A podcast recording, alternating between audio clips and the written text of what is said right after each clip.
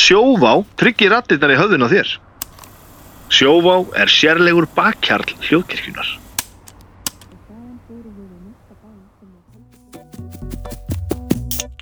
Sítrón frá öllu góskerð býður upp á þennan þátt. Banna að þampa og banna að hlusta rætt.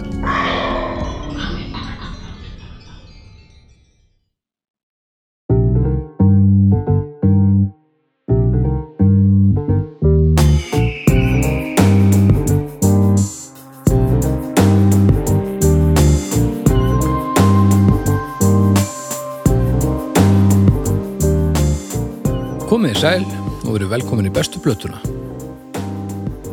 Ég heiti Baldur Ragnarsson, ég er upptökustjóri bestu blötunar, ég er að rembast við að kynkja hérna síðustu banana bröðisbytunum, allt í skrúfinni, maður var, þegar það er svona mikið af svona góðu bananabröð þá verður maður að nota tíman á milli þátt á svo djöfull vel og, og ég fór aðeins og gest núna, þannig að ég verið að afsaka það því sem er að hlusta, en hjá mér eru tveir gestir það er annars vegar Dr. Bananabröð Dr. Arnar Egert Dr. Tónlistafræðum Bless og sæl Hæ, ekki lengur Dr. Konga, Dr. Bananabröð. Já, Dr. Bananabröð það er mjög flott nafn Já. og ég held að við ættum bara að festa þetta Já. ég held að við munum ekki finna neitt sem er betra aldrei Já, bara já. um, Gaman að sjá þig Sömulegðis, uh, Hvernig ertu? spendur, Spendur, spendur og rólegur. spendur og rólegur Í svona í ljúfu skapi, líður vel, er, er svona í elementinu Ok, og, og bara hlaka til. Nú, Frekar orðað þannig. Já, ok. Það er sérstakur staður að vera á. Já. Og vel þegin. Já. Það er ekkert að þessu sko. Haukur. Hæ. Hæ. Ert þú á saman stað? Eða ertu að, ertu að kapna í bananabröði eins og ég? Nei, sko, ég er ekki doktor Nei. en ég kom með hérna, langlokum með laxasalati Já, mig langar svolítið að vera doktor lax doktor Lags. þannig að mér finnst að ég eigi að fá svona eh, bara heiðurs doktorsnafnbót bara út af doktor lax hljóma svo töff Já. Gerir það það samt? doktor lax Doktor Lags. Já. Hljómar það töff. Já, það Já. er svona, svona Lex Luthor Ég veit ekki hvernig þetta var hann í Garabæ. En Lex Luthor fílingur í því. Dr. Lags fyrst, já. Já, já, ok, þú mátt alveg vera Dr. Lags þá erum við Dr. Lags og Dr. Bannabröð Við hittum staftur Doktor Lax Jú, það virkar, það er rétt Og, og er ekki hérna Captain Underpants, er það ekki einhver... Jú, það er annar Já, já Já, já, frábært En uh, ertu reyðbúin í þetta verkefni?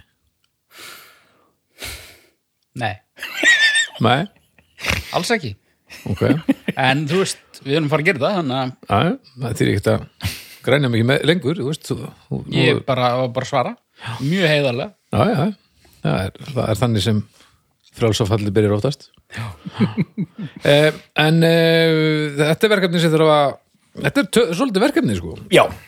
Eh, Þar sem að þessi listamæður hefur nú heldur betur haft áhrif. Já. Ég held að viti allir hver hann er. Já. Já, já. Það er búið að, uh, Bróðið minn vissi það einu sinni ekki hvað, ok, eh, út af hann hjælt hann hefði verið í bílunum Já, já. John Lennon. Já, uh, já, það er nú rönt alveg, Mm. það er nú alveg skilalegt. það er samt fyrir Já, já, samt fyndið, sko. Uh, og það er nú nýlega búið að gera hann um lífskeiði, eh, hans líf, uh, gera hvað er Í hann? leikinni kvikmynd Leikinni kvikmynd, takk Það er vitt spannaðbröður námið maður Takk, Dr. Lags um, Já, þarna myndin þarna Já, uh, Þeir ætla að tala um bestu plötu Elton John Eltons Jones Já. rakettu maðurinn Já, uh, já, Það var skemmtileg mynd, fannst mér já Ílu, ílumaðurinn Nei, þannig að það ekki Í ílumennið ílumennið ég, var- ég var að tala um það hérna. Ílan. Í Íland Íland John ég, ég, ég, ég átti bíl sem hétt Ílan Þetta eru bíl sem heit Ílan Já. já. Það íldi svona í, í honum Æ, þarna, þessi mynd hefur þurft að koma út á blómaskeiði hérna hérna, þýðinga á, Ísle, á, á titlum Já, Ílan Hún hefði heitið Eldi Brandur Þú veist, e- ef hún hefði komið út eithís eh, eldibrandur Já, ekki Já, eða eitthvað á brúninni Nei, ég var að tala um hérna áður Darraðadans Áður en við ítt- íttum á rekk var ég að tala um komið reyð þótt þarna Queen myndin leiðileg sko Já, Þannig að ég eiginlega nefndi þessar ekki sko já, Svo fannst mér þessi bara drullu skemmtileg sko. á, já, það var ímestett gengið á Það var svona Já, var líka bara svona lettur stemmar í henni sko St Já, stundum Já, Það fer eftir í hvar þú varst í henni náttúrulega. já, já en það var bara En svona heilt yfir. brast á með söngatum hann Já, já. og eitthvað Það er rétt, það er rétt Uh, já, Elton John Sir Elton John Já, hann er hérna Hann hefur gefið út nokkra plöður hann hefur gjort nokkur, nokkur lög Já. hann hefur spilað á nokkur tónleikum Já, hann fyrir nokkra áhörundur er með minni hendur en ég Er hann með? það? Já, Er hann með barna barna hendur? hann er með barna hendur ég, Þegar ég fór í hérna, ég fór í svona eitthvað svona VIP Disney hérna, Disney lot túr í gegnum vinnminn sem að hérna, Fyrst á að mæla hendurnar þeir við hendurnar á Elton John það var þannig í andirinu voru svona afsteipur af hinnum ýmsu höndum eh, og þeir, sem tengdust Disney og hann alltaf tengist Disney heldur betur já, já, og ég náttúrulega fór að leita að handatvífara og ég hugsaði mig gott til glóðarna þegar ég sá Elton já, sko. já, já. en hann er með miklu minni hendur en ég Nú er þetta ekki neitt neitt en ég fann ég þessu að handatvífara Æ, gáttu með það, hver ára? er þið tilbúinir? Ég er til Ég, fa ég fann þetta tvo sko Ha? en, hérna, Hann fannst handa þrýfara já, ég, ég fann annan sko setna þegar við fórum á hann á Hollywood Boulevard Ertu bara alltaf að mæla hendurnar þeir? ég mældi hendurna svolítið í ferðinni Ok. en þarna sérst, kom í ljós að ég og Kurt Russell erum Nei! með jafn- jafn stóra hendur Ok Wow, það er rosalegt en svo hann daginn eftir þegar við fórum á Hollywood Boulevard þá, þá kosti að ég og Michael Bay erum líka með eins hendur Ah, Já, ok Já, þetta eru, þetta eru alveg menn sko. já, já þetta eru, þetta eru já, alveg menn með barna hendur já, ég, þú veist, ég ætla ekkert að gera lítið úr Elton John hann er ekkert minni maður þó hann sem með litlar hendur kannski pínu en og hendurnar honum minni Hann er minni hann er maður. minni, já, veist. en hann er, hann er, hann er stærri En sko, kannski en þú hann veist, staðar ég, þú veist, hendurnar á mér samt, þær bara svona rétt ná yfir áttund á píanói já, bara með miklum herkjum já, þannig ég skil ekki ef hún er ekkert sérstaklega liður samt, er það Mm. þú ert ekkert búin að vera svona liðka á þér hendurnar Nei, nei, en þú veist Nei, en þetta er bara þetta er bara x vegalengt, sko Ég, ég skil ekki hvernig það fer aðeins já, þú getur svona alveg að náða aðeins lengra með því að liðka hérna eitthvað á milli puttana lítur að vera en þú á endanum þá Hann hefur náttúrulega- þurft að liðka djöfull mikið held Já, ég. já, þú veist, en þú, þú ert ekkert að fara að lengja þig, það er rétt í skil hvað þú ert að fara, sko. En svo kannski er hann með eitthvað er eitthvað bröðitabli, kannski er hann með aðeins minna píanó eða eitthvað Já, já, getur verið. Það er alls konar trikk. Já. Um, en, Þetta tók óvænt að stefnustráka já, við, erum- það er, við vitum miklu meir um þig, Já, eitthvað sem við munum aldrei grípi.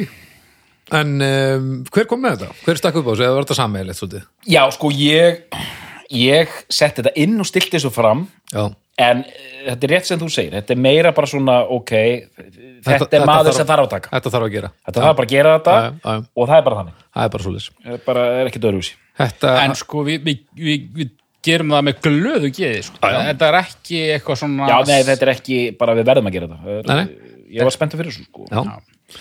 En þú varst að spyrja Uh, já, ég var bara að velta fyrir mér hann að uh, ég náttúrulega veit ekkert hvað plötur verið að tefla fram þann, en það er eitthvað sem þú valdir þá, Já, Dóttur já, Ég, ég valdi ok Hvernig vil ég takla þetta? Þetta- Er þetta svona sammenningamál eða er þetta dótturinn að fara dóttura yfir sig hérna? Doktorinn er svolítið að vera doktora sko en, en Þú náttúrulega er búin að taka handa, handamálið sko Já, ég er með það alveg hvað vera Ég er svona, en ég, ég er svona ég er, ég er enn að ákveða með mitt Ég, ég var í pínu vandræðum með þetta Hvernig við ættum að taka þetta, segirðu Ég er búin að setja ábyrðan á alla hérna ég, sko, Eru ekki Ég- bara að fara að tala svolítið mikið um hittara? Jó, ég ætlaði að segja það sko. Ég held að það er gagslust og það verður ekki gott ef við ætlum að, að því að það er, við gerum það að einhver leiti en það er algjörlega tilgangslust með þennan listamann að við ætlum að fara eitthvað að þræla okkur að þylja upp einhverjar plötur já, af því að þetta er, jújú, jú, hann er albúmaður þannig séð, þetta er svolítið furðulegt hann er auðvitað þegar hann byrjar, þetta er bara albúm gullöldin er í 70s en þetta er þetta fyrst og síðast uh, smetla og, og, og, og hérna, laga maður og það, er svo- það er svo, svo förðulegt í þessari yfirreið sem ég, ég tók þetta nú bara nokkuð þétt mm.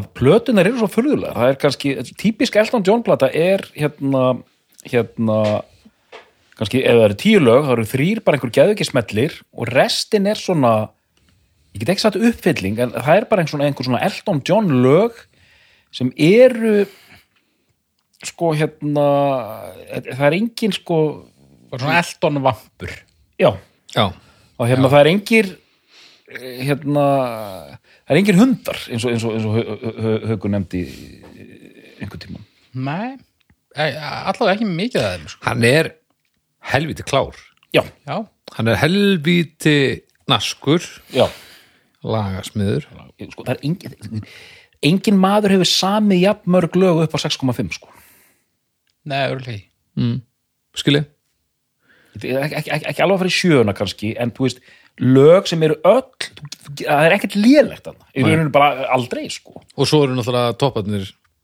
ótrúleir ótrúleir þetta er ótrúlegt, þetta er algjörlega ótrúlegt í rauninu sko. Herri, eh, hvað, er þetta þá ekki bara að fara að ríða sér í gegnum einhver, einhverja hittarasúpu í svona semi Ah. Jú, jú, tímara bara- og, og, og við erum að, við erum að syngja og svona aðeins kannski um mannin hann er náttúrulega Aðeins- aðeins um mjög merki- fyrirbærið. mjög merkilegur einstaklingur hann er Aðeins um blók fyrirbæri, þú Ha, veist. hann er blók en hann blók já, Já, og, og hann er nörd, hann er músíknörd hann er lúði hann er lúði, Já. hann er algjör svona tónlistanörd sko. hann er lúði með gleru en ekki eins gleru og lúðar eru venjulega með nei Nei, allt en öðruvísi. samt úr alveg stundum út í, hann á svolítið af gleru hann á mjög mikið að gleru Já, við þurfum að syngja sko, ég er, na- ég er nefnilega sko, þú veist Can you feel the love tonight Tonight na, na, na, yeah. Og It's the circle of life And the wheel of fortune Mér mér finnst þessi lög snilt Ég elska þessi lög þau eru þar sko. lögin í þessari mynd Lion King eru æfintilega þau eru ekki eðlilega flott sko. þetta er geggjað út Hakuna Matata, snilt já, Sko, ok, ég, ok, ég ætla að prófa þetta, vera pínu, skulum, smá anarki hérna. að, ok, Elton Vó. John. nei, já, ég sagði bara vó fyrir ekki, ég ætla ekki að slá Já, út að- sko, ok, ég ætla að fara, bara- ég ætla nefnilega að fara bara beint inn í, sko, eitthvað upphaf þarna, sessjónspilari, ble, ble, ble, ble, ble, gefur út plötu sem heitir Empty Sky 69 já, og 70 þá kemur út plata sem heitir Elton John Mm. og 70-sið hans eru þetta sko frá svona 70 til 76 þar býr hann sig til sem svona flestir svona eru, eru að hengja sig á Mm. og þó hérna að því að 80s Elton John er líka mjög spennandi dæmi sko það vantar ekki hittar hann þar heldur sko Mhm. nei, nei. þetta er öðruvísi en 70s lögin en þetta eru störlu lög sko en hann gefur út þessa eh, plötu Elton John 70 sem er bara svona ekta singer-songwriter plata sko, Nú, piano, syngjandi Bernie Toppin hérna, la- hérna textasmiðurinn hans ég er þannig með því hvað fyrr sagði börn Bernie Toppin já, þetta hljómar svona eins og einhver svona svona sapplata íslensk 90 eitthvað börn í toppin Bernie Toppin og Reyfi Staurin já, allt þetta Bernie Toppin já. Bernie Toppin, hann semur alla texta og ég meina eh, hvaða lag er hérna á Elton John, það er Your Song er það? Your Song, Your það er Song. svona fyrsti, eh, fyrsta lagi sem maður þekkir í rauninni já, það er flott lag það er svolítið gott lag sko. það er helviti góð það lag er helviti gott lag hérna, þú veist, síðan, síðan koma þú veist, plötur svo fyndið, hann er breskur en hann er mjög amerist sándandi sko. já, koma hann að plötur Tumbleweed Connection, Madman Across the Water og Honky Chateau þau eru öll þetta eru allt mjög ameríska plötur mm. og þarna eru öll þessi lög eða þú veist mikið af þessum lögum sko. já, Honky Cat og hérna Daniel er hérna það er á Don't Shoot Me, I'm Just a Piano Player já það er Daniel já. og það er líka hérna er ekki Saturdays All Right, All for, Right for Fighting, fighting. það er á Já, henni með með hérna John Lennon uh, og þú veist bara og fólk tekur eftir þessu, þetta er flott og la la la og síðan kemur að hérna plötu sem heitir hérna Goodbye Yellowbird Road sem glöggir hlustendur hafa tekið eftir að ég hef nú stilt upp sem bestu plötu Elton John. Já, þú fórst þangað, já. Já, mesta bólalegasta val bara sem þú kemst í sko Já, þetta var helviti bólalegt. mjög bólalegt sko En það er alltaf lagi. já, já, Af því að hann er, hann er, hann er, hvað, hann er bólakall, sko. Já, já, já, já Óbóðsluður bólakall. já, bara einmitt og bara og þessi plata er hún er mjög góð Já, nákvæmlega. Já, það, það er líka til dæmis ágættis ástæða. það eru uh, og fyrst, það byrja með svona einhverju svona svítu, svona svolítið proggað sko, ógeðslega flott lag mann ekkert hvað það heitir, en síðan koma þrjár neglur í röð. Funeral for a Friend Funeral for a Friend Það er rosalega sko. já, þetta er mjög flott sko síðan sko, annað lagi, það er hvað uh, Það er Candle in the Wind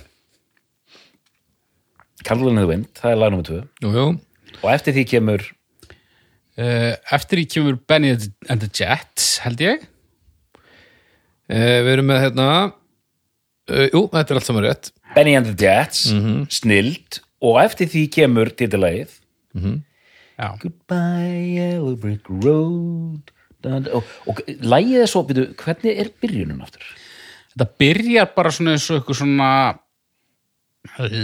La-na-na-na-na-na Na na na na na na Da na na ba da da na na Na na na na na na na na Ah, ú, og alveg upp Byrjar Byrjar svona Vá. þetta, er gegn, þetta er rosalegt. Ég hugsa alltaf um annað lag þegar að ég heyri byrjunin á Goodbye Yellow Brick Road hérna Alone Again með Gilbert og Sullivan þetta er svona sami svona lull takturinn einhvern veginn mm, ég er kallað lappa tralalala en þú veist, svo kristallast hann munurinn á, á þeim sko, Hvert er, hvert er takað þetta? Já, og því að John hann fer eitthvað með þetta sko. Hann fer heldur betur eitthvað með þetta. rosalega Það er ótrúlegt tvist á lagið Já, að skjótast bara þarna, bara eitthvað annað. Já. Ógeðslega flott. Og singalong, Já, hann á það til einmitt að semja lög sem eru ægilega glúrin, ægilega Já, já. sniðu já, já, já, og það kunnaði allir. já, já, já. Og að því að fólk fattar ekki að þetta er flóknara enn það á að geta gert. Að því að búið að hlusta svo oft á þetta að ég held að lang, rosalega margir sem syngja með lögunum hans Elton John myndu aldrei gangast við því að geta sungið flókin lög.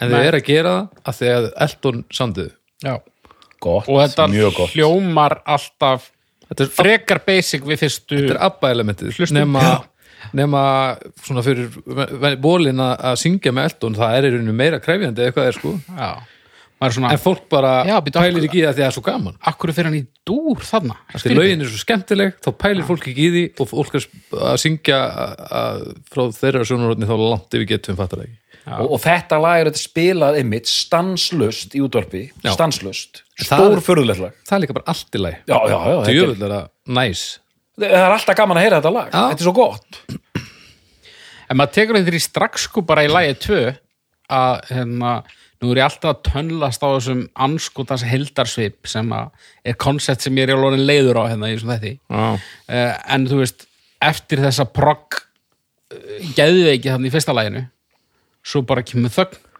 og svo byrja bara Candle in the Wind Já. sem bara hefði geta verið á plötu 2 sko það er bara einhvern veginn allt annað stemmar í og hann er með, þetta er svona McCartneysk sko balluðu snild sko já, við veist Mhm. mm. sko McCartney þetta hefur samið ótrúlega fallega balluður og Elton líka, Kandlinni vind er geggjað lag sko já, já. bara ótrúlega flott lag sko. já, en það, Það sko. er er einhvern það, veginn, þú veist ef þú- ef þú tekur svona hérna, dæmigerðu mid-70s tvöföldu plötu frá einhverjum eh, einhverjum tjalla þá ertu yfirleitt með bara nánast konceptalbum sko. og eh, Goodbye Yellowberg Road hefur einhvern veginn öll einkenni konceptplötu, svona þú sérð umslægið og, og svona tvöföld. já, en hún er það, það, það er engin þráður í henni þannig, þannig séð sko Nei, nei. En þetta er allt bara gott. Ég var að láta eitthvað reggilag fara í tögunar á mér, Já. en ég er eiginlega hættur við, sko. jerking off in Jamaica, Já. Jamaican jerk off eða eitthvað já. sem Mæka Jörgóf Ég er eiginlega byrjaður að fíla það, sko. Þannig að ég, ég, er, ég er hættur við, sko. já, þú veist, Við þeim kæmdalinu vind það er samum Marilyn Marilyn Monroe. Monroe er það ekki, og svo tekur hann það aftur þegar að Diana Já. Já, já. já. Diana þeir Og Svona, já. Vel tengdur gaur, sko. Hann er svona vinur allra, sko. Komast í parti til Elton er svona, var mér þess að gert í Love Actually, sko. Þá var hann í parti til Elton. já, já, já. Þetta er restina, sko. Þannig að þetta er ótrúlega fígúra, sko. Þetta er ekki aðeinlegt, sko. já, sko mér finnst uh, við erum bara komnir í þessa plötu heyri ég, bara djúft í þessa plötu, ég veit nú ekki hversu djúft við erum að fara í hana samt Nei, nei. út í að hún er heldur löng sko og ég er nú ekki alveg á línuna hans Baldurs að, að tvöföld plata þýði automatíst að, að hérna, það sé fullt af hundum að það sko Jú.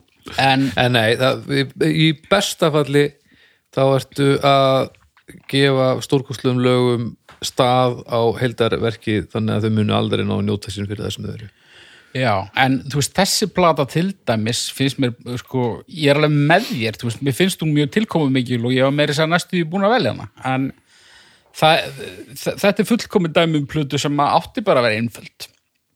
Ekki út af því að helmingurinn á lögunum á henni séu eitthvað lélega, heldur bara út af því að það er hann eitthvað lag, eh, þú veist, lagsaks eða sögðu eitthvað sem er svona pínu eins og, hérna, Benny the Jets, en Þú veist, það er svona sami taktur í því, sami fílingur Jú, ég man ekkert nema- eftir þessu lögum. nema- Ég veit ekki hvað þau heita einu sinni, sko. Akkurat, og þú veist, svo er eitthvað annað sem er svona pínu eins og Goodbye Elbert Grót þú veist, þetta er svona, þetta er bara svona lög sem bæta einhver við þannig séð, en það er ekkert að þeim mm en, en býtu, hva- hvað er það lánum fimm? Er það uh, gráið selurinn? uh, nei, this song has no title Já, það er gott lag til dæmis ok, Grey Seal er nummer 6 Já, minnst þau bæði frábær sko. og það voru lög sem ég þekkti ekki neitt sko. því ég er í raun að hlusta á þessa plötu ég held sinni fyrst kætti núna já, já, já. uh, og, og það finnst mér koma þessari plötu aðeins upp úr uh, svona upp úr þessum hjólförum sem að einkenna plötunar fram að þessari það er það að þú veist, á hinum plötunum þó að sé ekki léli lögin á milli þá samt, þú veist, maður er að, maður er að laumast til þess að skipa yfir á hittarana mm. en lögin á Goodbye Jálfberg Rót eh, sem eru ekki hittarar ég bara ég var ekkert að tegja mig í skip sko. Nei, En það er mjög merkilegt þetta með Elton á þessum árum, Þú veist, þessi plata til dæmis Goodbye Yellowbrick Road var bara til á öðru hverju heimili, virtist vera en ég held að þetta Elton vamp er svo mikið að þú getur ekki lappað upp að einhverjum ból bara sem er svona sæmilegur Elton fan og sagtu hann heyrðu djúvillig gott lagið þarna Grey Seal af hérna af Goodbye Yellowbrick Road viðkomandi myndi ekki vita hvað það er að tala um neðurlega veist, og ég, ég bara, ég hef aldrei hitt þetta lag fyrir en að ég var að undirbúa mig fyrir en að þátt sko. Þú veist, alveg frábært Hann, hérna, en það er ekkert rosalega mörg lög fyrir þessa plötu eh, sem að svona gripu mig sem voru ekki lög sem ég þekkti sko. Eh, hann er, hann er svona En ég meina, þetta er náttúrulega gríðarleg þú veist, gríðarlega margar plötur á Já, stöðum mikil, tíma. sko. mikil framleiðsla hann í 70-sinu, það er plata á ári og, og vel það og ef við aðeins bara svo við höldum okkur eh, við efnið að hérna, eftir þessa plötu kemur út plata sem heitir Caribou, ef mann rétt Já, sem er svona millispil að sem kemur næsta plata sem er oft nefnd líka sem besta plata Elton John er Captain Fantastic and the Dirt Brown Cowboy Brown Dirt Cowboy Já, Brown Door Cowboy Já. hún er góð, hún er mjög góð sko, svona pínu progguð en það er, þannig er í rauninni bara eitt lag sem er svona útvarslag, það er hérna Someone saved my life tonight na na na já. sem er geggjað, en það er eina svona eini hittarinn sko. We all fall in love sometimes Ertu til í að fara, ertu á Wikipedia? Hvað, Til í að fara? Ertu til í að fara? Nei Ertu til í að fara á bara singles diskografi og bara, Hvað segirðu? Uh, bara Elton John singles diskografíuna já, og bara þannig við sjáum þú veist, hvaða hittarar eru komnir uh, fram að þessu og á hvaða plötum þeir eru sko, Þú veist að við erum með plötu 2, þar er Jórsson singles, við erum með, hvað eru við statir hérna? Eh, 75 Non-album singles hérna uh, og svo gott að gera þetta í símanum, hann er bara best. sérstaklega er að sólin er að skína beint í fjesið á þér. Border Song er aðna Elton John uh, soundtrack, Tumbleweed Connection Country Comfort Your Song uh, Friends eitthvað Levon Tiny Dancer Já, kemur 72, Eh, það er á hvaða plötu það er á Madman Across the Water já, Mhm. svo erum við komin í Honky Chateau það er Rocketman Aha. uh, og uh, Honky Cat Kro svo erum við komin í Don't Shoot Me I'm Only the Piano Player Crocodile Rock, Elderberry Wine já Crocodile Rock Saturday Night er, er það ekki bara á Jálfberg Road Gæti verið, já. jú. já, það er á henni, Daniel, Daniel, já. ég hata það svo erum við komin í Saturday Nights All Right for Fighting af Goodbye Yellow Brick Road og Goodbye Yellow Brick Road 73 Býtu, Hatar að Daniel. ég hata það, Hattar Daniel, Býtu nú við. Segðu. bara svo væmið og ógeðslegt Daniel, væmið my brother ógeðslegt lag na, na, na, na, na. Já. líka gerum við svo leiðan, já það er svo sorglegt En Krokodil Rock. skemmtilegt Já, ég er samt þótti leiður á því, sko. já, Jöfull var að spila þegar ég var yngri. Þetta var linnu löst í fokking útvarpinu, sko. En Paldi, þú veist, þið skautuðu bara yfir einhverja plötur, bara á hvað var aðeim? Æ, þetta Tiny Dancer og Rocketman. Já, En þú veist, það, það hefur gert Við- það, það er mjög lýsandi fyrir feril þessa manns. hann er alveg hann er alveg búin að gera yfirlegt sko Já. En býtu, eru þetta einu, tveir, Benedict the Jets á singull líka, eða ekki? eh, Jó, sko Ég fór bara í Og kallaði nú end. Við er, erum örgulega að fara að rekast á eitthvað svona sem bara var, fór, fór ekki að singul, sko. Uh, já, ég bara Já. veit ekki, jú, Benny and the Jets hérna. Singull. já, það kom hérna einn singullin og milli nefnilega non-album singull sem var hérna Step Into Christmas svo Er Benny það and the svona Jets gamalt lag? já, sorry, og Benny and the Jets síðan Candle in the Wind og uh, svo tekur við hérna Don't Let the Sun Go Down on Me Já.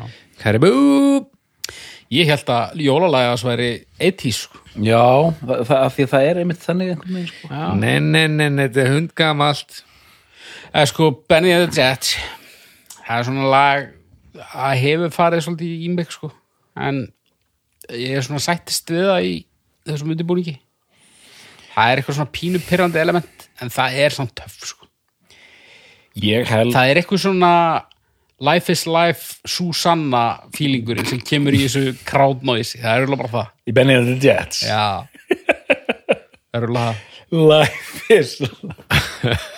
en, en þú skilur hvað ég á við Já, já, já, já, ég bara, nú er ég fann að syngja Life is Life að þetta er svo gersalega, já. Ég legg til núna, aukur, að því að ég finna að það er svo mikið eftir, sko. Ég legg til að við reynum að fara hans yfir 70-sir, að því við verðum aðeins að staldra við í 80-sir. já já Sko, eftir Brown Dirt Cowboy Dirt Brown Cowboy þá byrjar aðeins svona þetta er þetta búið að vera ríkalegur hraði á þessu sko þá byrjar að koma út kemur plat, fyrsta platan sem er talað illa um, Rock of the Westies já, það er bara svona sagt að þetta sé svona ekkert sérstaklega gott síðan kemur platan sem heitir Blue Moves sorry innskotið Já. en, en Yellow Brick Road er það f- nei, það var piano player platan eða ekki sem að var, á um, undan var hi- hi- hittarinn í bandaríkjum hvaða plata er það sem breykar hann í bandaríkjum Goodbye Yellow Brick Road, held ég er það bara hún? ok, held ég um, allavega, ég man ekki alveg rauðin á þessu en Blue Moves -hmm. og sem er svona, hún er svolítið svona dark sko, pínu dark já, síðan e, e, fer hann að kemur platan Single Man út 78, a single man Single Man þá er hann búin að taka hérna reyfi staurin hérna út sko, be, be, börn í toppin sko hérna hann er hann er hættur að að semja texta börn í toppin Já.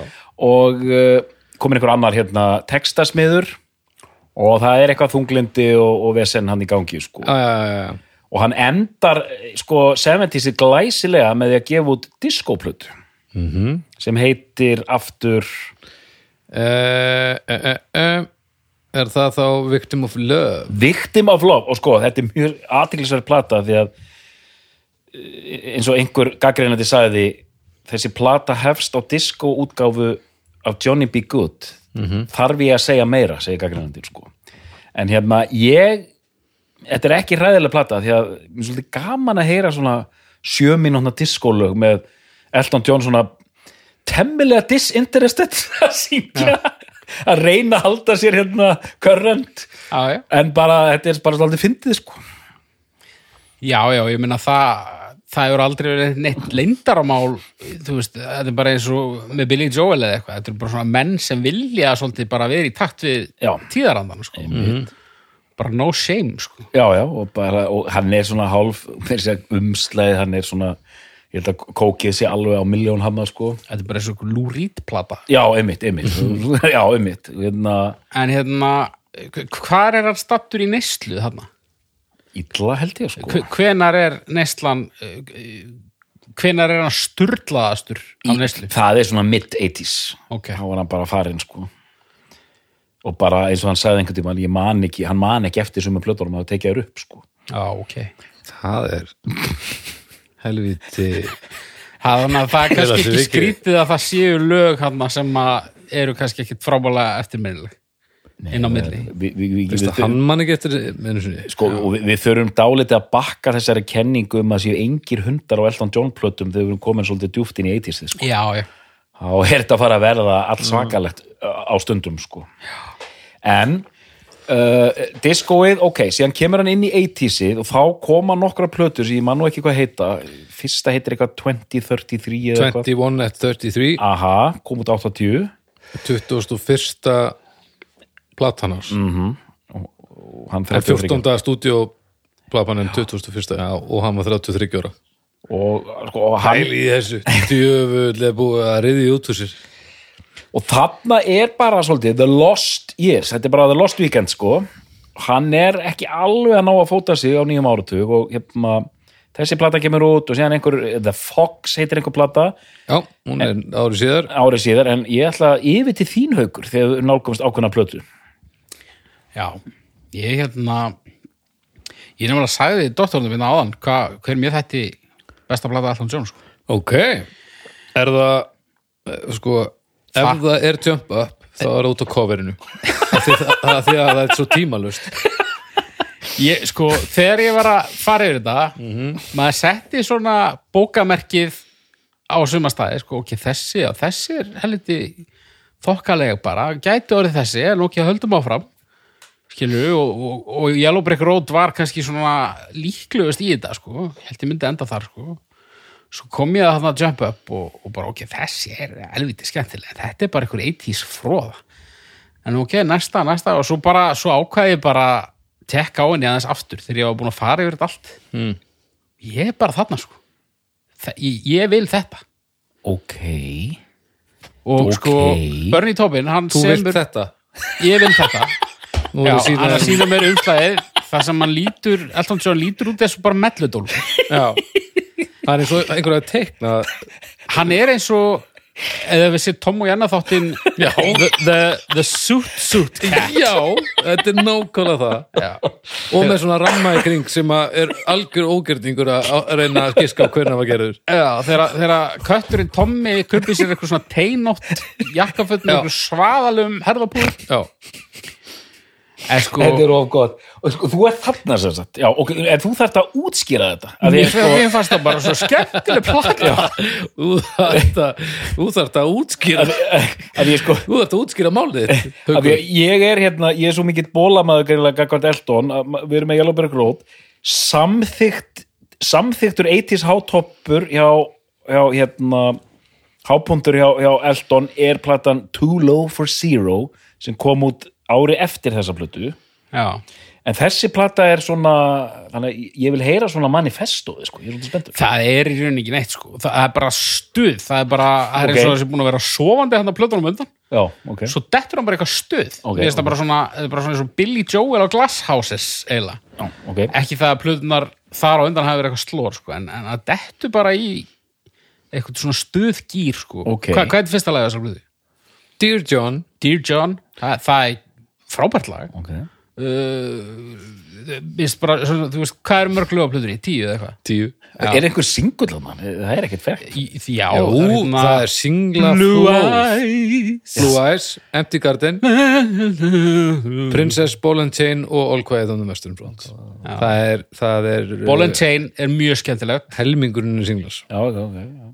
Dóttor og, Já, já, þetta er, og, og hérna- hérna, Blue Eyes er, er, er, er, er, er, er, er geggjað en svo eru leiðilega löðarna líka þú veist, All Quiet on the Western Front er til dæmis mjög leiðilegt mm. en þú veist, það eru, ym- það eru sex lög hann sem komir í þvílíkan gýr og svo fjögur sem voru ekkert spes þau komið bara í svo mikið gýr ég var, ég var að setja saman trampolín okay. og ég sérst ákvað var, það, var það eitthvað sem varst búin að ákveða áður en þú byrjaði að hlusta á plötuna eða var það orsök þess að þú varst að hlusta á plötuna mig, mig langar svo mikið að geta sagt hafa bara fylst eldmóði af plötunni að að ég Nei. varð að setja saman Þú settir trommur. þér með tráfólin en nei, ég sérst fekk hérna, það verkefni í hendunar að í morgun að setja saman trampolín og ég bara ok, ég, þú veist það er um þess að tværa velja þannig ég, þú veist, þetta er, þetta er tveir tímar pluss Mm. Já. að setja saman þetta helvítis sko, stærsta trampolín höfuborgarsvæðisins Aha. á, já, sko Arna sagði bara, já, tökum ekki stærsta ég bara, nei, það er alltaf stort og, en hún á að samfæra mig svo kom með heim og hún bara, "Eh, þetta er alltaf stort en hérna fáranlegt trampolín sko, og þannig, þannig ég er búin að liggja yfir ferli Elton John og, og, og komast að svona bólalegri um niðurstöðum Jálabrik Rót Já. haukur fer og setur saman trampolín og kemst að einhver vafa sem 80s platan með Elton sem besta platan Já, ég hlusta á Jálberg Rót, byrjaði á henni, bara var, hérna... Já, varstu með þær tvær í gangi sko. Já, ég, Já. ég, sest, bara ok, bókamerkið, já. ég, ég set, sa- ég set saman þetta anskotast trampolín uh, og ákveð mig bara á meðan, Mhm. læta bara rúla. okay. Og tók ég alveg bara eitthvað rót, þú veist, var að fara upp á háloft í skúrnum og og ná í allt rastlið og setja saman grindina og, og gormana og, og eitthvað. -hmm. Mhm. Og bara góð plata, mjög solid, einhver lög svona sem ég veist ekkert frábær, en, en bara mjög samfærandi. -hmm. En sko, þegar ég var komin í hérna öryggisnetið, þú veist, sem að þarf svona einhvern veginn að prjóna. Sko, ég hef vanalega verið bara í hálfan dag að gera það, svo ógeðslega senlegt, sko. En þegar Jump Up á komin, ég gerði þetta á svona 40 mínútur, sko. Bara, platan kláraðist og ég var bara að verða búinn. Já, Og þe- þessi platan mun alltaf eiga sérstakann staði hértaðinu til þetta sko. Já. hún er alltaf að hugsa um hana þegar þú hoppar Neti var svo þétt, sko. Það var alltaf, alltaf verið svo slaft, sko. En þegar ég var búinn, það var svo þétt. Nei, Þetta var bara svona eins og, þú veist, að að reka eitthvað flegi í svona, uh, svona bagga. ertu vissum að að þá skoðun þín á, á plötunni sé ekki bara litu að því að þú varst að spila yfir getu í að setja saman trampolín í eitt þarf ekki að útiloka annað sko. ég held Nei, að nei. þetta hafi bara verið mjög bara Þetta- svona þetta var bara Mm. samverkandi dæmi Það sko. er bara moment Já. Já, en sko fyrstu þrjú lögin á plötunni frábær, já, lagfjögur, fínt svo koma ykkur hundar, eitthvað og svo kemur lag hérna það kemur eiginlega bara svona hálfgjart diskólag næst síðasta lagi á þessari plötu hérna, við erum all the good time sko já, en, en sko, ok, stuð e- voru hjú í hugreiningatengst Já Ég heyrði það sko já það, voru, það var hjúi, það var svolítið hjúi það var smá hjúi, það er smá hjúi á plötunni Já, það er örgulega það ég var bara ekki búin að ná að setja þetta í orð sko. það er hjúi þarna Ég er nefnilega, ég er endið þessari plötu í dag og ég heyrði að þetta er hjúi, sko. Það er hjúi búin að ná honum, sko. en svo þegar ég kom inn og hérna, þá fór ég nú að skoða svona hvað öðrum finnist sko, það er ég í ruglunni hérna fann eitthvað viðtalið börn í toppin þar sem maður segir bara af öllum plötunum sem við gerðum þá jump up bara það er botnskafið það þetta er bara okkar lágpunktur þessi plata er hörmulegt drastl og hún hefði aldrei átt að vera gerð þetta er bara sorp ég var bara ok ok, toppin er allavega ekki með mér í liði Nei, nei.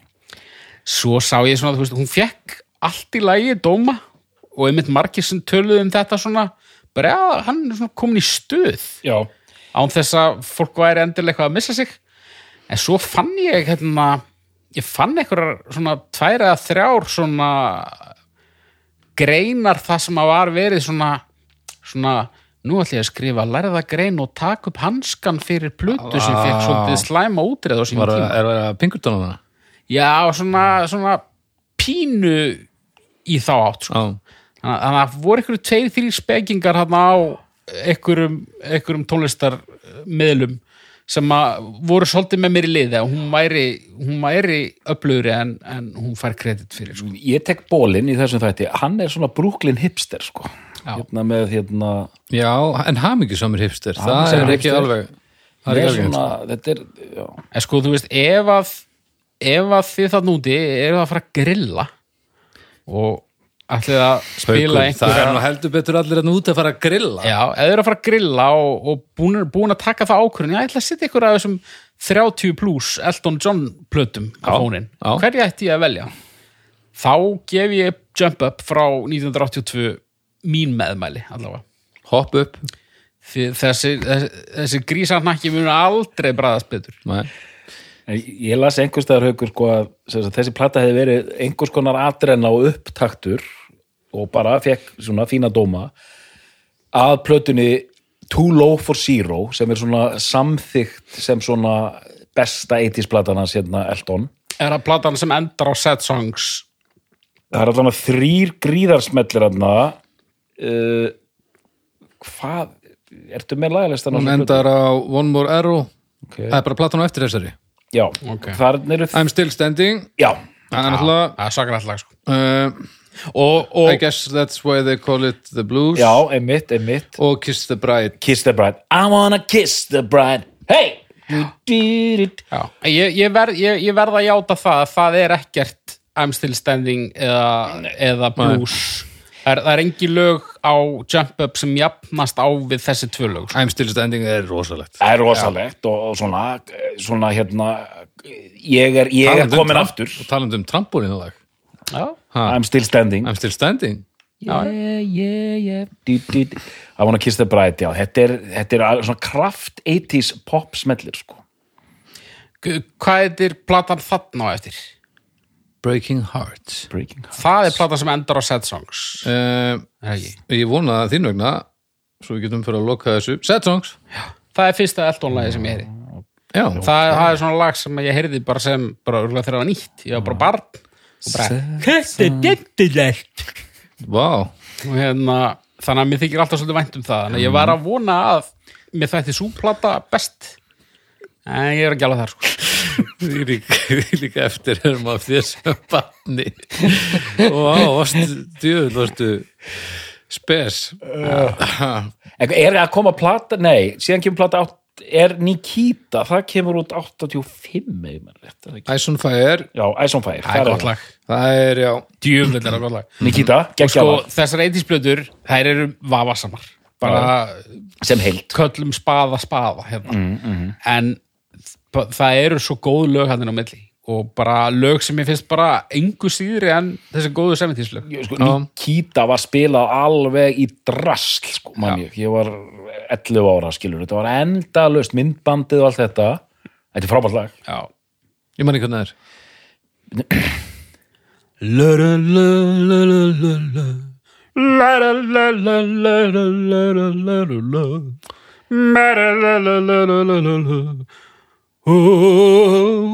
Nikita you'll never know and Nikita is the other side la la la la la la la la la la la down the na na na na on a road oh no Nikita you'll never know kemur ekki munnharpa jafnvel jú, Stevie Wonder spilar hana já Þetta er svona, þetta er svona grúfandi lag svona, þetta kemur þér í stuð en þetta er samt ekki svona hratt lag sko. svona. það er svona kaldastriðis drungi yfir í samt sko. vá, svona taktur þetta er múltilegrað lag Þetta er Mm, heyrðu eitt mér. mm, frægast Elton lagið og þú mynd bóka að fatta það þegar þú heyrir eitthvað flytið það sem er ekki við já, ég, já, ég, já, örug, kannski. En mér finnst þetta flott hjá ykkur. en þú veist þarna og, og eh, þarna á jump up og svona, þú veist, þá, þá er maður farin að heyra hann líka oftar svona það sem maður lifið sér að fara þess niður hann er farin að krúna sko. þess En þarna erum við komin í 85, er hann þarna bara, bara alveg grillaður. hann er svona, gr- hann er svona hæggrillast sko en hann er auðvitað risastór Þú Já, veist, eh, Live 8 og allt þetta og þessi myndbönd og svona já, hann er svona hæg, hann, hann fer í meðferð bara, ég held ég svona seint á Já, já. nýjönda áratum Það tók hérna, tók hann hans í sterkan. og sko plötunar versna hver af annari sko kemur hann að Leather Jackets Leðurjackist er næstu mitt, 86. ógæðslega leiðileg já, þetta Ah. er bara, þannig er þetta bara komið í einhvern auto, automat gýr sko sko, ef þú ert 80s poppari þá er platar sem þú gefur út 1986 eiginlega alltaf góð já, 1986 er bara svona eitthvað töfra ár í poppi þannig ég er bara svona ég, ég er svona, Mhm, já þú- gerði alveg svona nerir saman höndum já, og það það er bara ekkert að frétta dembir þeir í Leather neitt. Jackets ekkert, ekkert. Hardtech all over the world og slow rivers. og rosalega 80s sound sko Já. já, ég held að það sé lélegasta platan sko, og núna bara disclaimer ég var ekki mikið að hlusta á þú veist, svona eh, mid-90s og nýra það var bara svona eitthvað sem ég skimaði yfir já, já, ég, ég er ég er reyndar svo latur já, já, ég er með það ágætlega undir, undir, undir, undir kontrol sko Sko, næsta plata er hvað, 88? Er það ekki? Reg is back Red, Red Strikes Back. Reg strikes back Býtu, Sko, hvað heitir hann áttur? Hann heitir Reg eitthvað. Reginald Dwight Reginald Dwight. Væri hann jafn stóri ef hann hefði ekki tekið allt án namni?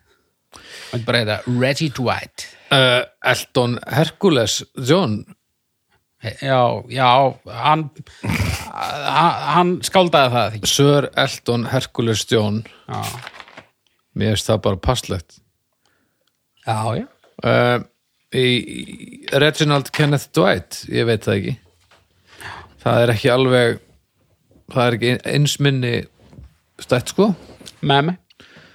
En ég ætla að segja sko, hann fer inn í 90sið, tökum það bara ég ætla, að- ég ætla að renna þessi yfir restina bara mjög hratt svo við getum fara að tala um fyrirbærið ok, Red Strikes Back Já, eh, bara hérna já, ég, ég, ég- ég þekki nú kannski plötunar ekki þauðlega sko, Já, já, já, en, en ég ætla já, bara já, svona já. að fara hans yfir og, og sko, ef, ef ég ramma bara inn 90s eða aðeins, hérna, ok, Ok. Mhm. okay. Red is Back sem er bara eitthvað svona 80s plata síðan kemur hvað einhver, hérna, já, rennum bara yfir það svo kemur Sleeping with the Past 89, ok, To Be Continued kemur svo uh, svo kemur hérna við erum við, The One Og þannig er enginn að pæli honum. Sko. nei, nei ég ætla bara að nefna með 90sið að, að við vorum að tala um diskoplötun á þann að það kemur bara, ég ætla að nefna tvær plötur innan 90sinu að hérna, það, það er platan hérna það er hérna Made in England mm.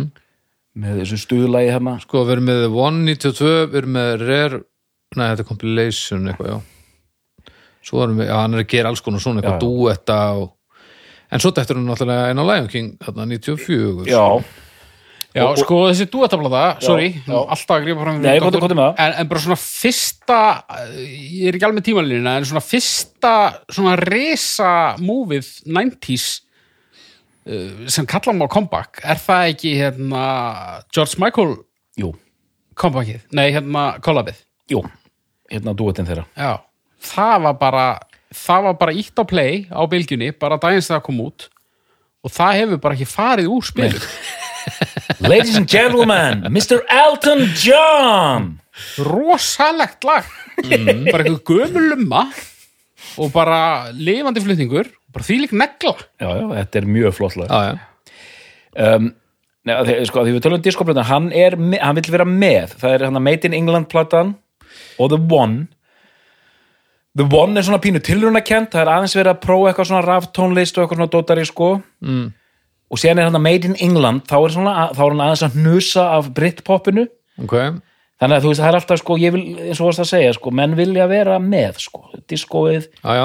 hnusað af hérna Britpopinu, Made in England síðan er í rauninni ekkert að frétta fyrir en árið 2001 ef ég mann rétt kemur plata sem heitir Songs from the West Coast Bara sagði hann það er að gera ennþá plötu bara upp á Já. ár sko. Já, já, ok, Eh, ok. Eða, þú veist, nei, sem sagt, það- þetta, Já, það er þetta eitthvað að er koma lýgilegt sko. uh, The Museum uh, Ekki, fa- fastur í soundtrack- krónológinu, Já, sko. ég bara- þá kom allar sapplötur og Ég er bara orðin svo heilla, ég er bara svo heillaðar Já, af já. ástandinu sem hefur bara sem hefur bara áttu þetta er ljóta steikin uh, á ég að vera að gera eitthvað Já, eh, Songs from the West Coast, 2001, Já. er það ekki? ég skal bara komast að því Já. uh, Mm. Við not, notum bara þessar stúdíoplötur sem svona eh, leið 2001, já svona leiðarvörður sko þá, þetta er mjög góð plata því þannig tekur hann ákvörðun sem er auðvitað samt eitthvað sko, hann, þetta er svona 70s leg plata, já, hann er ekki að elda smellina, hann er bara að búa til Elton John plötu með bara Elton John lögum og hún rúlar rosa flott sko, Songs from the West Coast mjög fín plata sko, bara gott að hlusta á hana, E- það er ekkert svona pathetic dæmi í gangi sko, þú veist hann verður pathetic hann að leða jackets og allt þetta sko, Já. þannig er þetta, þetta er bara flott og síðan bara heldur hann áfram það kemur plata eh, Captain and the Kid sem er eitthvað svona verið að vísa í hérna, 70s-ið hérna, já Pitstri Road Pitsy Road er svona amerísk plata mjög hún er 2004, Captain Mm. in the Kid er 2006 emitt og það er svona líka 70s-vísanir uh, svo verður 2013 já, það er hérna The Diving The Board Diving Board sem er svona róleg balluðuplata og síðasta platan sem að gerði er hérna eitthvað Crazy Friday Night eða eitthvað líka Wonderful Crazy Night Já. 2016 og þá, það er síðasta hlöfusplatan hans kom úr 2016 já, en það vantar ekki virknina hjá okkar manni sko. neini Já, og svo þessi plata þetta sem að var e, tekin upp þarna 67-68 já, einmitt, sem var að nýjasta sko. sem var gefin út 2021 eitthvað hann, gerði, hann gerði líka plötu með Leon gamla Russell hérna, svona, sem er svona New Orleans dúti sko.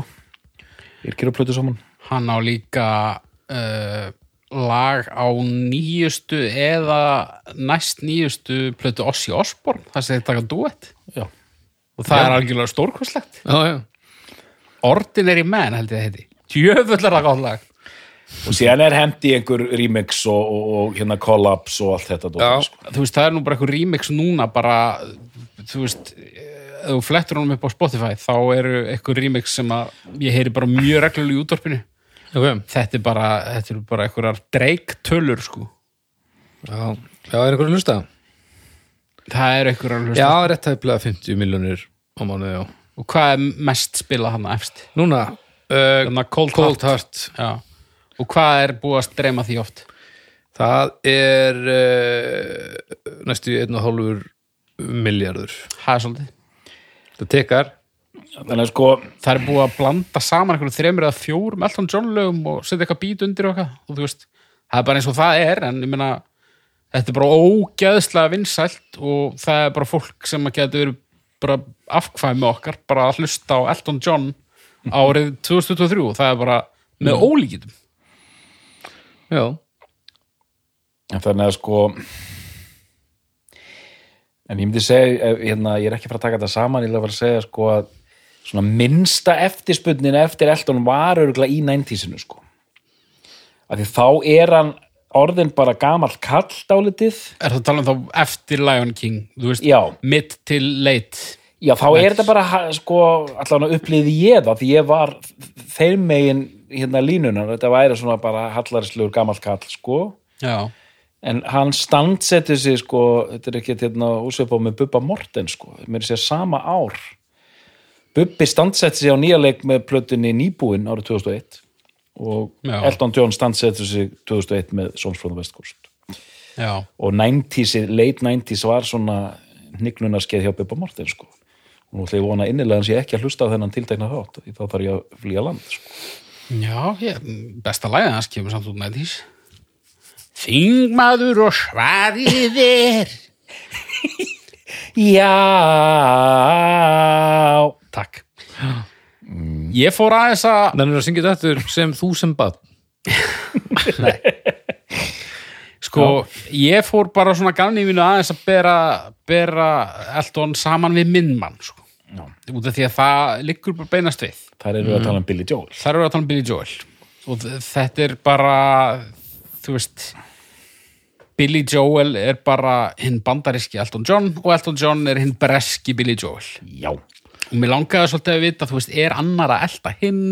Þú Ókei, veist, hvernig er, áhugavert. er þetta þegar við erum að bera saman, þú veist, starð vinsældir og svona og ég komst ekki að neittni niðurstöðu bara við, þannig að vombriði.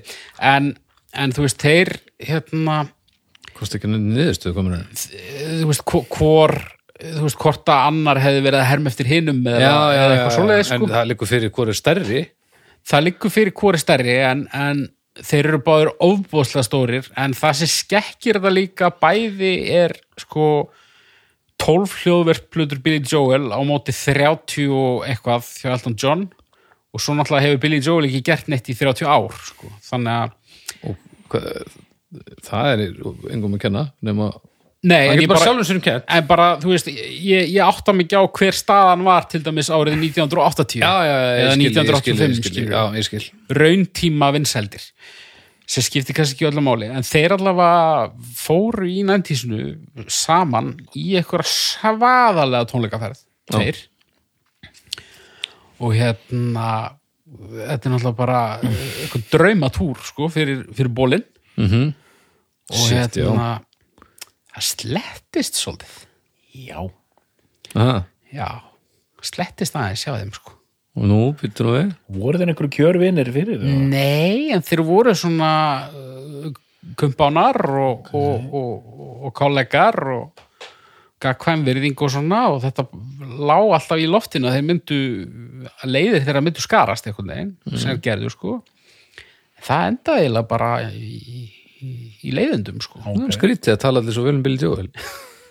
Já, við skulum segja að uh, lífverði Billy Joel hafi spilað hann einhverja rullu og sem sagt Elton John, hann er þekktu fyrir það að hann, hann sigur húðar ekki hluti Nei.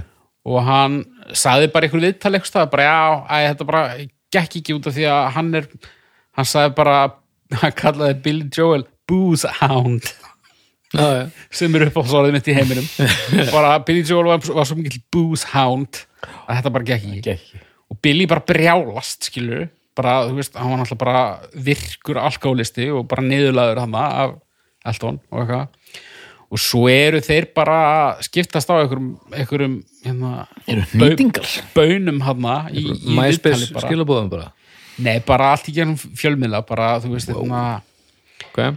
Elton að tala um að Billy Joel sé svo latur að hann hafi ekki gefið neitt út og Billy að tala um bara já, en ég er allavega ekki að gefa út bara eitthvað rusl eins og þú og eitthvað Ég er flottir. og hérna Rillilegt. og svo bara svo sá ég eitthvað viðtal við Billy Joel hérna, las eitthvað viðtal við Billy Joel frá 2022 það sem er verið að spyrja hann út í þetta og þetta er svo gaman með þessa gömlu kalla sko það, þú veist, þeir, þeir geta verið gamlir og fúlir á móti en svo yfirleitt á einhvern tímpúti þá kemur eitthvað svona kemur eitthvað svona reist og Joel segir bara, að, bara mér þykir vænt um hann og hann er bara ótrúlega listamaður og bara, þú veist, þetta var voða mikið blásið upp í fjölmiðlum, bla bla bla bla bara já, þú var samt að segja þetta, þau voru að segja þetta skilur, en hérna en já, þeir eru eitthvað búnir að patsa upp hluti sko, en mér er svo- svolítið gaman að, að út af- þeir eru svo ofbúðslega sambærilegir á margan átt og ég náttúrulega þekki Joel miklu, miklu betur albúmlega heldur en Elton John þegar ég var að fara yfir þessar plötur þá kom alveg fyrir bara ok ef við myndum skipta bara út söngvara í þessu lagi þá gæti þetta alveg verið Billy Joel lag og þú veist það er alveg mörg þannig lög sko. þeir eru svipaðir á margan hátt Mm. Ok. en þú veist Billy Joel er náttúrulega bara, bara betri skiljiði Já. Nei, Nei, hann er ekki betri. Hann er betur... Ég, nei, ég veit ekki einu sinni hvort það er.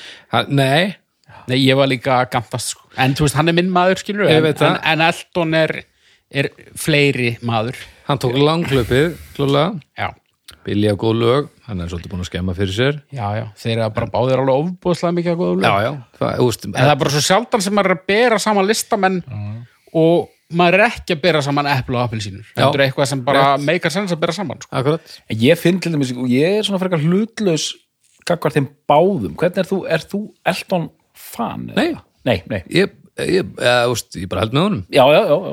Og ég held meira með honum heldur en Billy Joel. En, Ok. en ég, ég, mér veist Billy Joel lögin sem mér þykja góð eru allavega jafn góð og Elton lögin sem mér veist góð. Mm, mm, mm, en, ég, en ég hef aldrei hugsað um að ég, mér líð- ég, hef- ég hef aldrei pælt í því að ég þurfa að velja, sko. nei. nei, nei, ég þarf ekki að velja sko, ég, ég, ég er nú bara að gantast Nei, sko. og En Elton á hérna- líka náttúrulega stónum part í barnaskunni þú veist, Já. það má ekkert gera lítið úr því hvað til dæmis Lion King lögin gerðu þegar maður heyrði þau bara hvað þetta voru skemmtileg lög og ég held að maður heyrði þetta hluti oft og, Þú varst tí ára. já, Já, ég var 13 þannig að þetta, þetta og ég hlusta alveg mikið á þau já.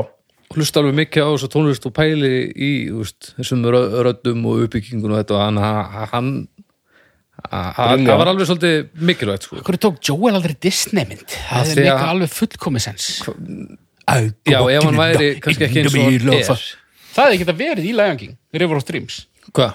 Hérna, River of Dreams, Já. með Billy Joel. Það hefði geta verið í Lion King. Það með þess að byrjar á svona Lion Sleeps Tonight, hérna, hí, hí, hí, hí, eitthvað. Vá Þetta var lott Já, þetta er... Já, já. En mér er svo merkilegt, ég held alltaf að hérna, svo Hakuna Matata, ég held að svona óeltonlegt, en hann samt er lagið, sko. Já.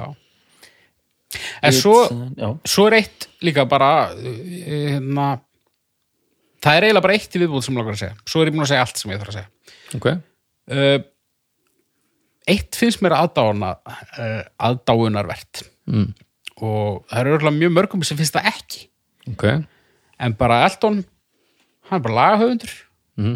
hann bara ég er ekki textahöfundur fæ bara einhvern annan dúta í það Já djöfull er það sniðugt út af því það er umulegt það sem er texta Já, mér finnst ekki gaman Ég er ekki, En ég er ekki góður í því. Ef þú gefur þér tíma í það, þá ert þú góður í því. ég var það, En kannski en, tekur þig langan tíma og ég veit það að þið- þú nýttur ekki ferðlisins nei, þú veist og ba bara þetta átt að segja þessu bara já, nei, ég sem er texta nei, það, það, ég fæ bara einhvern í það Já, það er náttúrulega snilt já, já Ég Af hverju að gera eitthvað illa þegar einhver annar getur gert það vel Þú veist, hann er ekki á einhverju missjóni að að, Þú veist, sumir þurfa einhvern veginn að hann bara þarf moka ekki að úr- sanna sig þannig Já, einhver er að reyna að móka einhver úr heilanum á sér sem að þeim finnst og eitthvað en og þú veist þetta er náttúrulega pínu óvinnulegt fyrir svona Já. höfund á þessum tíma það voru allir einhvern veginn bara allir þú veist ég er allt í öllu þú veist já, já, þessi singer-songræðir pæling já, já.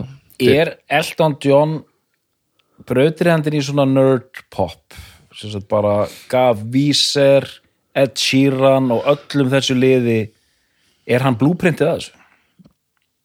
ég hef aldrei pælt í því en það er ekkit Ég held eitthvað að- galinn já, ég held að mjög margir hafi séð þarna í fyrsta sinn pop slash rockstjörnu sem var helviti nála þeim Já. ekki einhver guðlega fígúra sko Nei, þetta er bara maður og hann gleraugu. lætur samt alveg eins og allir hinnir sko Já, já. og ægilegir ég er bara kuppur með Já. fætur já, Já. og hann er bara ógislega vinsæll og barnahendunar Já, og bara geggjæður kuppur með gleruðu og, og, og, og barnahendur eins og ég Já, og Já. er verður bara hefna, hefna heimsfrægur sko. já, já kannski ekki fyrsti en örgulega stæsti fram að því Hvað með annað í með spurningar hérna, þessar fyrstu plötur hans í 70 sem er einmitt, þetta er mjög svona ameríst sondandi og bara, þetta er bara þannig en til dæmis eins og 80s þá er þetta orðið meira bara svona Elton pop Er eitthvað til í þessu? Já, ég held það. Þú veist, Það það er er- og satt um Tumbleweed Connection þetta geti þess að verið bara plata með hérna, The Band, skilur þetta væri bara svona Já, nú þekki ég plötunum ekki nú vel, sko.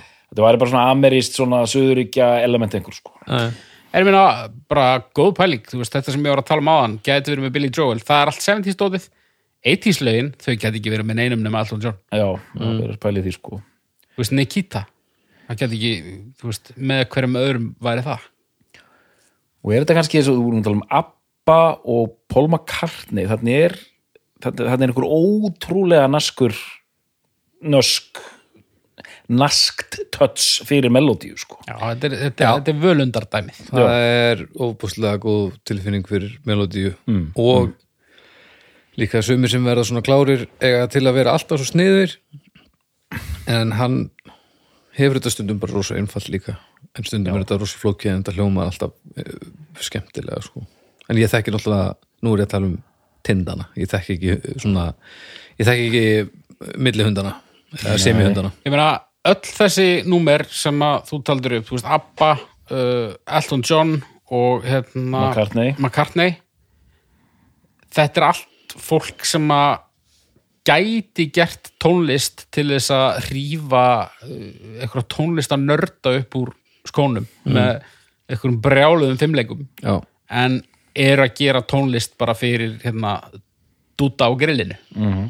og gera bara ógæðislega vel það er ekkert svona yfirlæti í þessari músík nei McCartney kemst kannski næsti en hann líka það verður bara eitthvað, það verður bara eitthvað stórkurslegt að ef hann væri búin að gera það sem hann er búin að gera og hann væri ekki pínu brenglaður að Já. því þá væri bara eitthvað skelfilegt að ah, ja. hvernig er hann búin að standa sig í svona í réttinda baratunni, samkenniðir og svona ég veit það ekki, Eh, þú veist Eldon, bara, bara fyrir það að vera til þá bara alveg meira en við þrýr eh, hefðum gert á tíu mannsæfum mm -hmm. en ég veit ekki hversu svona hversu aktífur hann er ég veit það ekki en hérna, þú veist hann alltaf, ég man eftir honum í svona AIDS hérna, aktivisma Já, hann alltaf misti eitthvað hérna, eh, eitthvað nákominn sér þú veist, hann var alltaf hann er alltaf samkynniður Mhm. uh, hann var ekkit opinn með það fyrir en eitthvað tíman sko eins og gengur þannig ég veit ekki alveg hver staðan var en það var einmitt eitthvað sem lést úr, úr eðinni þarna early 90s sem að var hann ákvað hann að- að koma opinbjörlega út úr skápnum ég kakvart ekki þá heimsbyðin sögu, eða var hann, var hann rifin út eins og, eins og sumir sko. ég bara þekki ekki þá sögu Nei, þetta var var það svona- í myndinni? manna það ekki sko en ég líka, sko, það er eitt sem ég er svolítið líka hrifin af með svona gauðra, sko, hann, hann býr til sinn feril nánast bara í 70s og 80s, þá er þetta bara búið til og bara einhver sturlun og ógeðslega góð lög og bæði í 70s og 80s er að koma út bara geggjaðir smetlir sem eru bara enn en spilaðir lonobón og hvernig við heldur þeir síðan sem svona legacy act sko, hann virðist hafa verið nokkuð duglegur við það líka sko aðalega kannski með tónleikaferðalum sko Vist eins og hann sé alltaf að spila já, já, hann dölur, Já, hann er duglegur sko, við það sko og hérna, síðan, síðan tekur hann það til- hann let Mr. Bean einhvern tímann taka við, eða Róan Atkinson taka viðtal við sig og hérna tekur þátt í fíblalátum líka sko Ég- hann er líka bara hann er líka komin á þann stað eins og með þetta collab dæmi og þetta Mhm. að það segir engin nei við hann sko. Nei, nei, nei, mitt, ef hann fær hugmynd þá er það að fara að gerast þá bara er það gert en hann og líka rosa bara margir vilja líka vinna með honum og ég held að hann sé mjög opinn fyrir því að gera hluti með fólki já, ég ætlaði einmitt að segja það hann segir líka bara voða lítið nei Já, en ég held að hann fái helviti mörg tækifæri upp í hendurnar sem að aðrir í svipu- svipuri aðstöðu myndi ekki fá já, já Vist, minna, hann var um daginn að taka eitthvað, eitthvað gamalt með talekalag með Miley Cyrus skilur mm -hmm. það vittlega er það Já, já. en þú veist, hann er bara Hann er bara í stuði hann bara spila leikinn sko Já, já. heldur vel og er hann ekki hann, alltaf, hann er bara að spila vel og, og í helviti góðu spilaformi, þú veist, er það ekki ég hef aldrei heyrt já, að, miða við handa stærð já, með að við handaleysi nei, ég hef bara aldrei heyrt af því að hann sé ekki að, að spila gegja tónleika Nei, nei. ég svo sem ég getur að heyra Heyrðu, býtu, hann spilaði hérna, það var nú eitthvað fíja sko Já, já, hann spilaði, já, ég, ég lenti nú í glíði, menn býtu, hvað, ég þekki þá svo Hvað? ég er bara að Slóa heyrta þessi þig tónleikar með að vera bannhöndinni? misemnaðir Ég hérna, munið það sem ég sagði rétt á hann leiðrétti það, hvað, ég hef aldrei heyrt að því að, að hann spilaði leiðrétt gig og eitthvað og svo bara eitthvað fíasko hérna í bakarinn hann var rosa fíaskó sko, hann hérna ég held að það ekki einu sinni voru honum að kenna Nei, nei, hann var, segðuðu mér að hann hafi slegið með barnahöndunum En hei, sko, það var hérna, það var hérna, hann var fluttur inn og þetta var bara, það var búist við, skilur, menn ætluðu, ég held að yrði bara Ed Sheeran dæmi, sko. Og það mætti nánast engin á tónleikana, sko. Og Nú, hvenær er þetta? eh, Þetta er 2001, hvar var þetta? Laugardalsvellinum alveg rétt. bara eins og þau Guns N' Roses Það spiluðu var bara einhverju slittu eða eitthvað.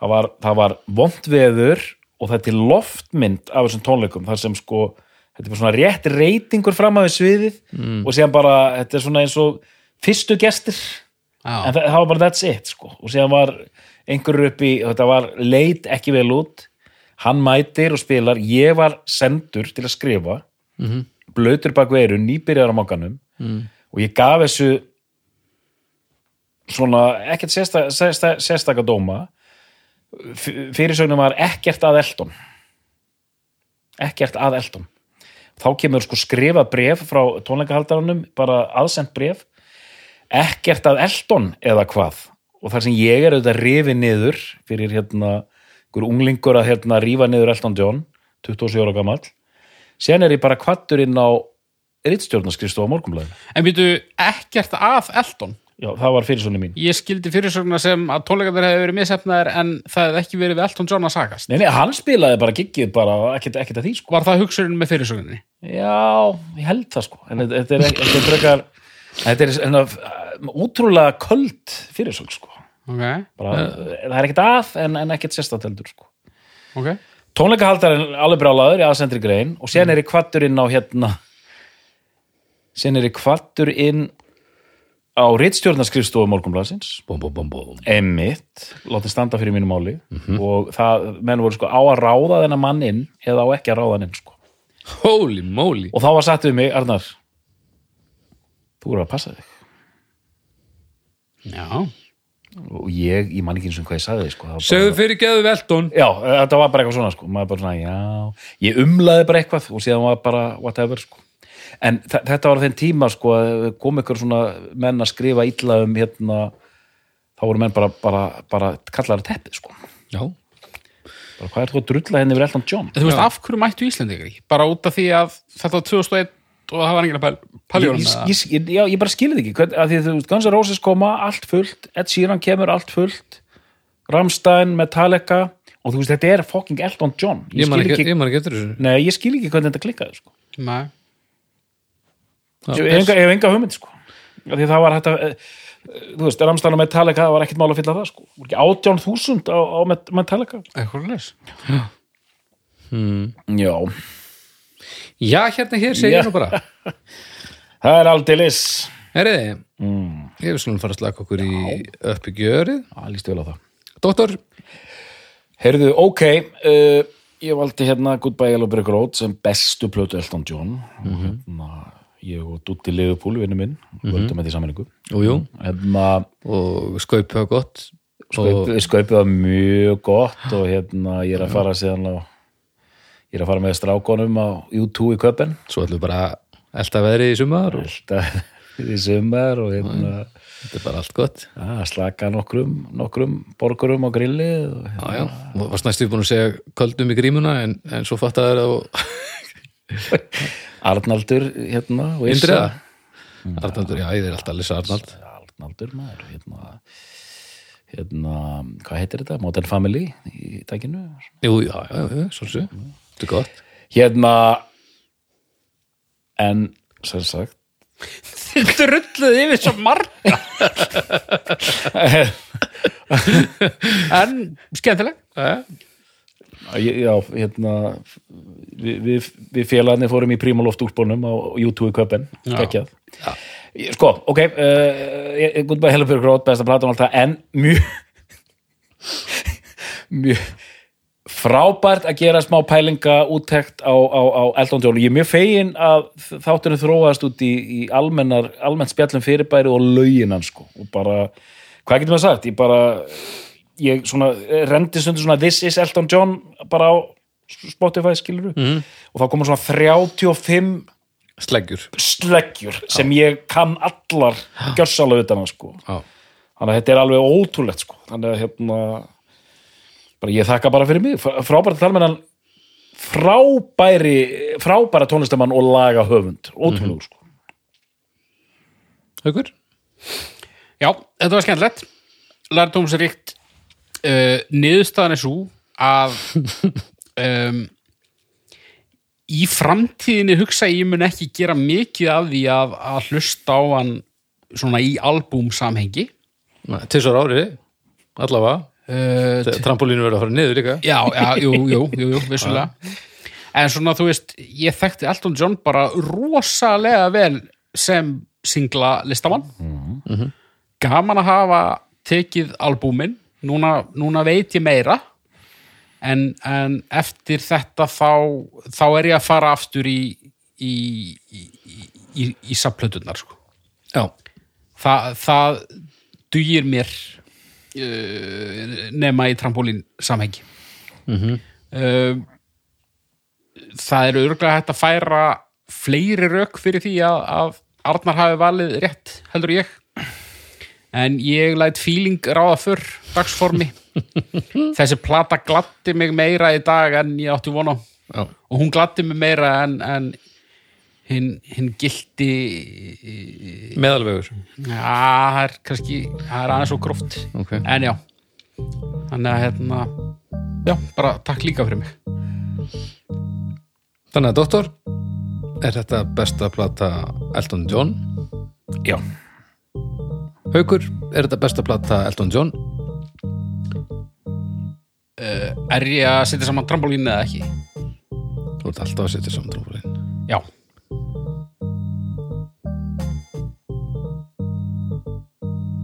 Ha? Já, Já, nei, ég menna, menna nei Ég meinti nei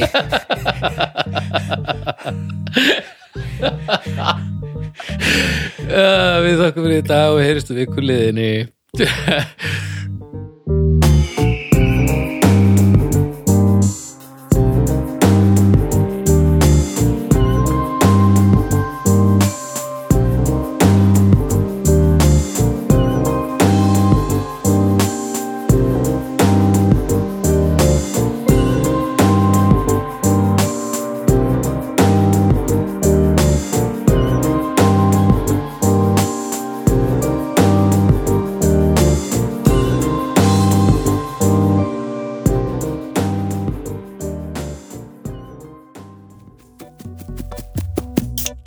Sítrón frá öllu góskerð býður upp á þennan þátt. Banna að þamba og banna að hlusta rætt.